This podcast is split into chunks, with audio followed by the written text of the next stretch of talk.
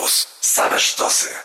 Program powstaje przy współpracy z miastem Warszawa. Pierwszym gościem dzisiaj w stacji Warszawa jest Maciej Czeredys z Sinfonii Warszawy. Dzień dobry. Dzień dobry. Od razu uprzedzamy, że nie będziemy rozmawiali o muzyce, przynajmniej tak stricte, raczej o architekturze i o przestrzeniach, w których muzyka Sinfonii Warszawy brzmi dzisiaj, to za chwilę i będzie brzmiała w przyszłości, to nieco później w naszej rozmowie. I może zacznijmy od Grochowskiej 272, bo to jest adres, pod którym orkiestra stacjonuje obecnie. Skąd się tam wzięła? Orkiestra powstała jeszcze w latach 80., natomiast przez wiele, wiele lat funkcjonowała jako bezdomna instytucja. Zresztą w Warszawie nie jest jedyną tego typu instytucją. A właściwie funkcjonowała jako zespół muzyków, który głównie skupiał się na podróżowaniu i graniu e, to tu, to tam. E, od 2010 roku e, stała się samorządową instytucją kultury i właściwie jest taką orkiestrą miasta stołecznego Warszawy. I wtedy też miasto zakupiło od Szkoły Głównej Gospodarstwa Wiejskiego nieruchomość, dawny Instytut Weterynaryjny przy ulicy Grochowskiej 272 na potrzeby właśnie siedziby Symfonii Warsowi. No i od tego czasu właściwie rozpoczął się nowy rozdział e, w historii, można powiedzieć, orkiestry instytucji, bo, bo Symfonia Warszawia jest z jednej strony nazwą zespołu muzycznego, e, zespołu orkiestrowego, natomiast z drugiej strony jest też nazwą instytucji, która jest organizatorem z kolei dla tego zespołu muzyków. Mam nadzieję, że wśród naszych słuchaczy są ludzie, którzy kiedyś e, odwiedzili ten teren i siedzibę przy okazji jakiegoś koncertu. No ale właśnie, czy tam jest przestrzeń, żeby grać na dużej scenie? Ja mam w pamięci jakieś takie małe koncerty przy Grochowskiej. Od e, kilku lat e, jest taka możliwość. Oczywiście jest to bardzo mocno zależne od warunków atmosferycznych, gdyż, tak, gdyż mamy pawilon koncertowy. Jest to właściwie e, plenerowa konstrukcja, zupełnie nieogrzewana, bez żadnego, jedynie, jedynie chroniąca przed deszczem tak naprawdę, więc w sezonie powiedzmy letnim od maja do września szereg koncertów e, na Grochowskiej 272 się odbywa, również oczywiście takich symfonicznych, wielkich, głośnych, e, z udziałem, e, z udziałem pełnego składu orkiestry. Natomiast trzeba powiedzieć, że dla orkiestry tego typu, dla orkiestry symfonicznej, sala koncertowa, dobra sala koncertowa jest kluczowa to jest trochę tak, jakby kazać muzykom grać na złych instrumentach, prawda? Znaczy, te warunki nie są wystarczająco dobre, żeby ten zespół mógł e, no, wykorzystać też swój potencjał i w pełni się rozwijać. Jednak taka sala koncertowa z prawdziwego zdarzenia to jest instrument, wielki instrument muzyczny, instrument do słuchania i, e, i te warunki akustyczne, które może zapewnić, e, no właściwie ciężko jest je zapewnić w inny sposób. To już nawet historia tej przeprowadzki trochę pozwala wysilać wyobraźnię, żeby sobie mm, jakoś to zwizualizować, jak pomieszczenia, które kiedyś służyły do prowadzenia badań czy też leczenia zwierząt, dzisiaj służą muzykom, artystom i tym wszystkim ludziom, którzy ich y, otaczają. Y, plan jest taki, że ta nowa siedziba pod nazwą Sinfonia Warszawia Centrum y, powstanie i to też jest chyba znowu długa historia sięgająca 2010 roku, czyli 12 lat temu. Tak. Gdzie się zaczyna? W 2010 roku został zorganizowany duży międzynarodowy konkurs architektoniczny i udało się wybrać znakomitą pracę e, Atelier Thomas Pucher. To jest pracownia austriacka z Gracu i no niestety ówczesny kryzys finansowy, kryzys też fin finansów miasta spowodował, że niestety ten nie udało się y, niezwłocznie po rozstrzygnięciu konkursu podpisać umowy na prace projektowe. Trzeba, trzeba było czekać na to ponad 5 lat i w końcu 2015 roku udało się taką umowę y, w końcu podpisać z projektantem. I właściwie od 2016 toczyły się prace projektowe, które oczywiście też miały swoje tutaj swoją dynamikę i swoje różne, no, różne przygody mieliśmy po drodze, bo z jednej strony uchylon, wojewoda e, mazowiecki uchylił plan, miejscowy plan zagospodarowania przestrzennego, który jest podstawą de facto do uzyskania decyzji pozwolenia na budowę, więc mieliśmy ponad półtora roku pracę musieliśmy wstrzymać na ponad półtora roku.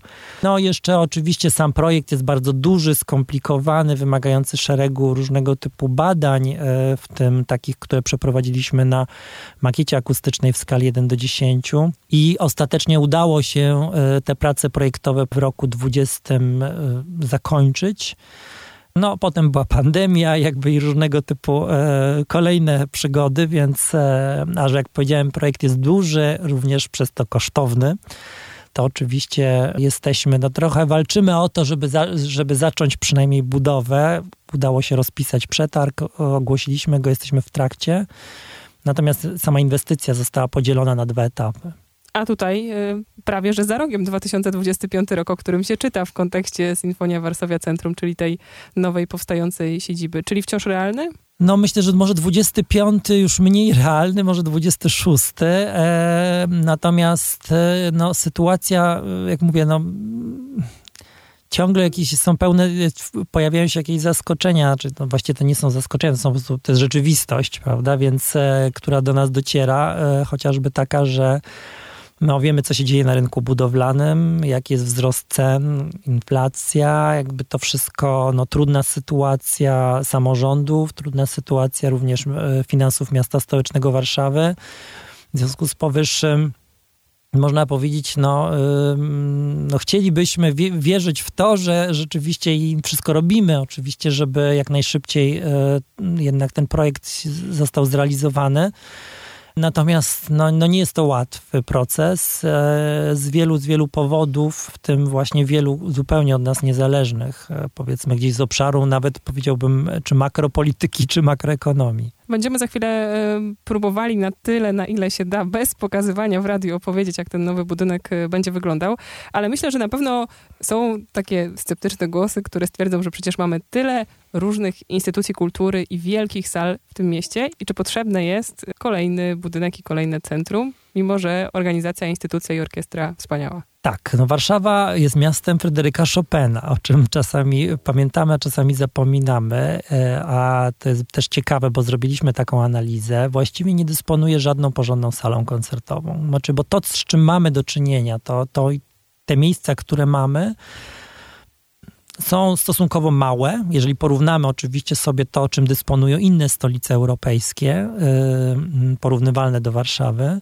to są to małe, raczej małe wnętrza, często do, na 400 osób, yy, czyli to są właściwie tak, taka skala yy, sal kameralnych. No największą, największą takim dostosowanym powiedzmy do takich wydarzeń, ale wnętrzem jest sama Filharmonia Narodowa, ale to jest sala na niecałe tysiąc, znaczy na tysiąc właściwie słuchaczy podczas gdy na przykład e, sala koncertowa Nospru w Katowicach Nowa, czy Narodowe Forum Muzyki, to są sale na ponad 1800 osób. I to jest właściwie taka skala, która jest wymagana dla tego typu, e, tego typu przestrzeni. Sama zresztą filharmonia no, nie ma wybitnej akustyki. Ona jest powiedzmy łaskawa i, e, i, i w miarę dobra, ale, mm, e, ale wydaje się, że Warszawa jako miasto, które jednak e, no, ma swoje tradycje muzyczne, no, jednak powinno dysponować takim miejscem z prawdziwego zdarzenia naprawdę na poziomie jakby europejskim. To zresztą nie jest tylko kwestia samej muzyki symfonicznej. Bardzo często te miejsca też są pewnymi symbolami, działają nie tylko jako miejsce właśnie, w którym jest wykonywana muzyka, ale to są też miejsca do spotkań, do organizowania różnego typu wydarzeń. No, ciekawe przestrzenie, które promują miasto też w innym wymiarze. To ja jeszcze odsuwam ten moment y, omawiania y, finałowego budynku, bo kiedy myślimy o orkiestrze, to nam staje przed oczami zawsze ten ostatni moment, czyli kiedy stoją już na scenie i ludzie siedzą na widowni. A czego jeszcze potrzebuje Sinfonia Warszawia jako instytucja, czy właśnie orkiestra? Jakie pomieszczenia, Myślę, mówiąc już tak prosto, przydają się muzyką i są niezbędne do funkcjonowania? Orkiestra potrzebuje przede wszystkim bardzo dużej liczby ćwiczeniówek, ponieważ to, że znajdzie się na próbie w całym składzie, nie oznacza, że wcześniej nie trzeba pracować w sekcjach czy, czy indywidualnie ćwiczyć. I to jest wielki problem dla muzyków, ponieważ no, jeżeli sobie wyobrazimy, że muszą to robić w mieszkaniach, no to jest to stosunkowo spora, jest to spora uciążliwość dla, dla, i dla domowników, i dla sąsiadów, więc jest to, myślę, trochę taka pogoń za takimi przestrzeniami, w których rzeczywiście można praktykować, ćwiczyć, powtarzać non-stop te same dźwięki i tak dalej. W związku z tym jakby sama, sam projekt zakłada, jakby rzeczywiście jest to bardzo dobrze zaprojektowana, nowoczesna jakby przestrzeń, która daje takie zaplecze do rozwoju tego zespołu i oczywiście tych wszystkich osób, które będą korzystały z tej przestrzeni, ponieważ to nie jest tylko tak, że tam wyłącznie będzie grała Symfonia Warszawia, no to to jest kwestia jakby przyjazdu, gościnności, innych zespołów muzycznych, czy, czy też realizacji jakiegoś innego programu. Natomiast to jest oczywiście podstawowa kwestia, to są te sale, te, te właściwie pomieszczenia tak zwane ćwiczeniówkami. Jest oczywiście sala prób samej orkiestry, to jest też ważne miejsce, żeby nie zajmować dużej sali koncertowej, potrzebna jest sala prób, która jest też w naszym przypadku salą kameralną. No i oczywiście jest cały y, skomplikowany tak zwany backstage od pomieszczeń technicznych przez magazyny, w których instrumenty są przechowywane, często bardzo cenne i cała logistyka z tym związana, więc właściwie jest to duży i skomplikowany organizm, e, który jest akurat w naszym przypadku zupełnie będzie niewidoczny, bo on będzie w dużym stopniu pod ziemią. Już hasło pod ziemią mogło wyobraźnię rozbudzić, więc jak będzie wyglądało Sinfonia Warszawia Centrum? Wspom... zostaje, w sensie kamionek. Adres. Kamionek oczywiście tak. No, jest to miejsce dla kamionka szczególne. Sam dawny Instytut Weterynaryjny, on powstał ponad 100 lat temu. Właściwie został w 1902 roku oddany do użytkowania, więc e, jest to, a zaczęty, jego budowa się zaczęła w samym końcu XIX wieku. Jest to, no, jest mniej więcej 2,5 hektara terenu, na którym znajduje się teraz pięć obiektów zabytkowych. To jest, są dwa pawilony przy ulicy Grochowskiej, parterowe obiekty. Z przodu w rogach. Tak, w narożnikach mhm. jakby z, z ulicą Terespolską. Z tyłu nieruchomości znajdują się z kolei dwie oficyny również zabytkowe. To właśnie pomiędzy nimi zostanie zbudowana jakby sala koncertowa. Natomiast w samym centrum znajduje się e, budynek e, tak zwany główny, ale on właściwie przez nas jest nazywany pałacem, bo wygląda jak pałac i, i z tych wszystkich zabytkowych obiektów jest największy. On pełnił takie funkcje dydaktyczne i tam się znajdą w przyszłości e, biura instytucji, ale też właśnie przestrzenie edukacyjne, rezydencje artystyczne mm, tam zlokalizujemy. Natomiast w tych dwóch budynkach od strony ulicy, aha, jest tam też jedna e, istniejąca przestrzeń, która, która e, tak zwana aula, która jest też małą salą koncertową o całkiem niezłej akustyce. I e, z kolei no, od przodu, od tej nieruchomości, e, od, od ulicy Grochowskiej, w tych dwóch, ofic- w tych dwóch pawilonach, przepraszam, znajdują się znajdą się przestrzenie głównie edukacyjne. Z jednej strony będą to przestrzenie, y, które będziemy wykorzystywać na pewno dla realizacji programu edukacyjnego skierowanego dla, do dzieci, również bardzo małych. W drugim pawilonie będzie, będzie, znajdzie się taka sala eksperymentalna, y, przystosowana do, do, do realizacji również muzyki symfonicznej, ale ona jest oczywiście niezbyt duża. E, w okresie przejściowym będzie pełniła taką funkcję sali, e, sali prób dla orkiestry, ale później będzie takim trochę obiektem typu first access, czyli właśnie bardzo blisko, bo to jest zaraz przy chodniku, więc można będzie bardzo szybko jakby wejść. Tak jak wspomniałem, z tyłu nieruchomości znajdują się dwie oficyny. One będą madłem, w którym znajdzie się jakby ten, e, ta sala koncertowa. Całość jeszcze będzie spięta taką potężną budowlą, ramą, która właściwie jest rodzajem wyciągniętej elewacji tego budynku sali koncertowej.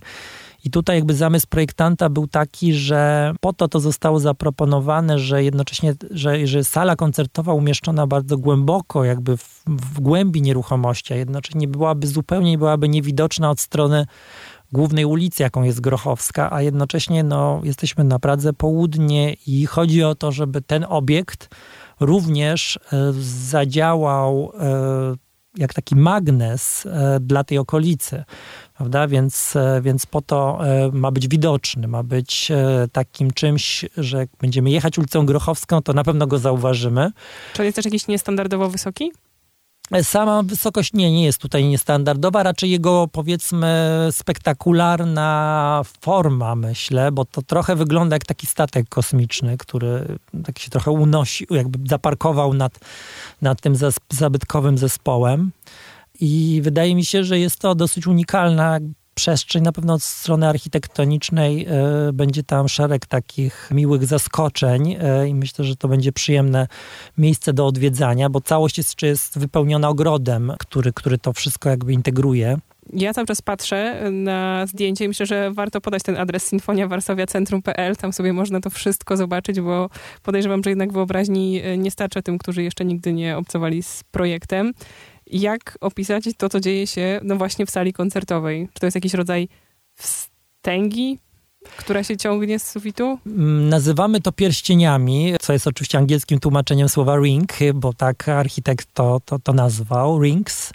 I te pierścienie, które, mm, e, e, które właściwie no, tak bardzo płynnie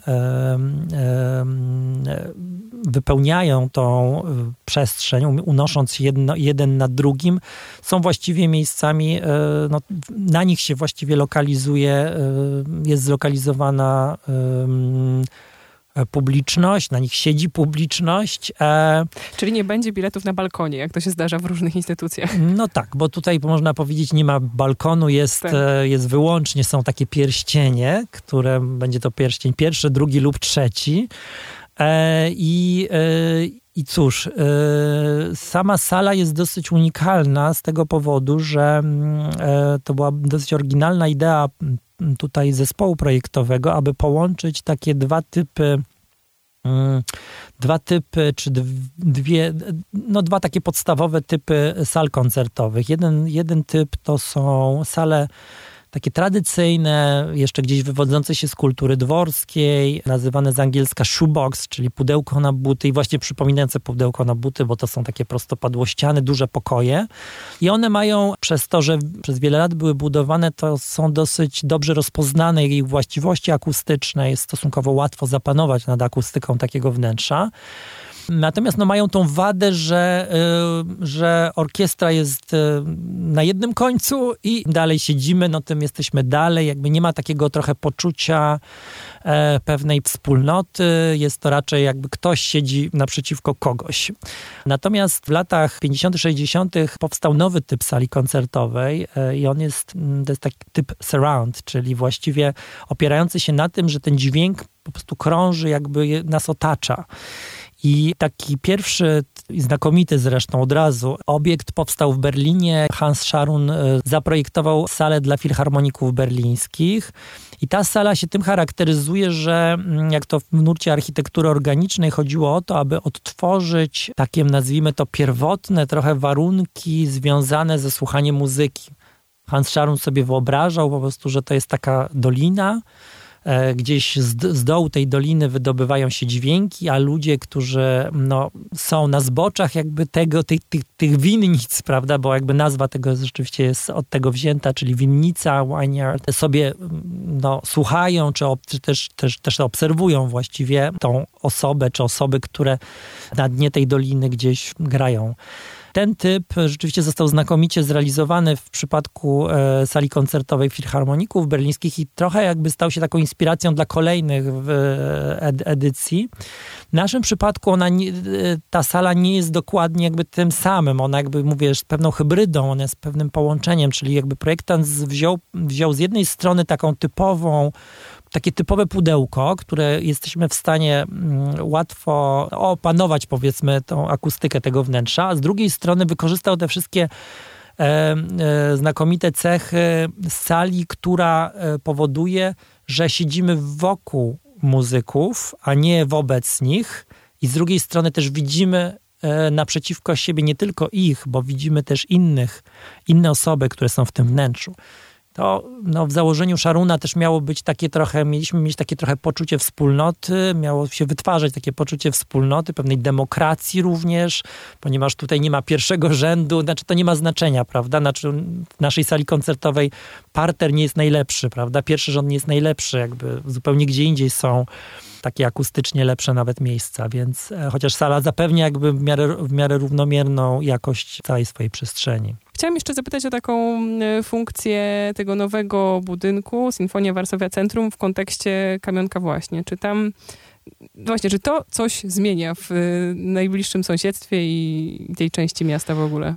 No mamy nadzieję, że tak. No, przykłady z innych miast jakby tego typu obiektów pokazują, że jest to bardzo duża szansa również dla takich, dla takich okolic, ale to nie chodzi wyłącznie o to, że powstaje jakiś spektakularny obiekt architektoniczny, bo to na pewno ma znaczenie, bo takie obiekty działają trochę jak takie symbole, yy, odczarowują. No, spójrzmy na przykład na Muranów i Muzeum Polin chociażby, które kompletnie zmieniło y, percepcję jakby całej okolicy.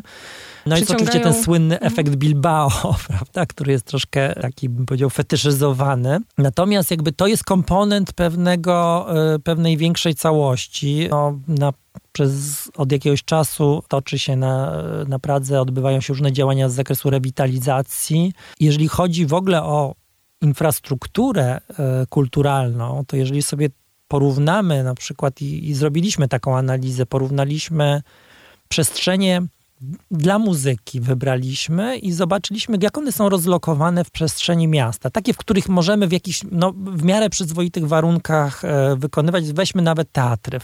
Okazuje się, że praktycznie, znaczy jeżeli chodzi o samą muzykę, nie ma ni absolutnie żadnej jakby tego typu przestrzeni. Po stronie po stronie lewobrzeżnej jest osiem takich przestrzeni, a i powstają teraz dwie kolei. Już, powsta- już jedna powstała na Rakowieckiej, szkoła muzyczna powstaje też na, na terenie Cytadeli kolejna, więc jest 10, więc jest 10 do zera de facto.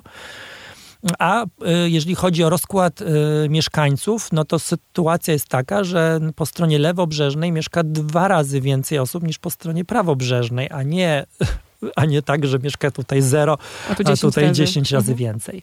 Więc jakby to też oczywiście ma znaczenie dla dostępności jakby tej kultury. No, gdzieś trzeba się wybrać, prawda? I, e, i oczywiście, że to czasami zniechęca, jeżeli, e, no, oczywiście, że jakby, no, jeżeli to jest coś, co, co, co robimy raz na jakiś czas. Oczywiście jedziemy do opery, prawda? Jest taki jeden, jeden obiekt tylko w Warszawie. Natomiast jak naszą ambicją jest to, aby ten obiekt był centrum muzyki. To nie chodzi tylko o to, że tam będą jakieś wielkie, spektakularne e, koncerty raz na tydzień, tylko tam będzie właściwie non-stop coś się działo. Wydarzenia o różnej skali, od wydarzeń edukacyjnych skierowanych do, do mieszkańców, na których można się uczyć grać, czy, mm, czy po prostu muzykować, po dużej skali wydarzenia, po festiwale, które zresztą Symfonia Warszawia od lat organizuje, wykorzystując przestrzeń e, opery, e, czyli Szalone Dni Muzyki chociażby. Natomiast to są takie wydarzenia, które e, no, przyciągają też w sumie ogromną publiczność, bo festiwal Szalone Dni Muzyki, który się odbywa w ciągu trzech dni, potrafi przyciągnąć 60 tysięcy słuchaczy. Więc to, jak sobie porównamy z wydarzeniami sportowymi, to nagle się okazuje, że potencjał muzyki jest e, tutaj no, równie wielki. I więc... to jeszcze tej muzyki, myślę, I że to, to jeszcze tej muzyki, tak. Tyle. Sinfonia Warszawia Centrum to są trzy słowa, które pomogą odnaleźć projekt, o którym dzisiaj tyle rozmawialiśmy i zwizualizować sobie to, jak będzie wyglądała nowa siedziba orkiestry i nie tylko.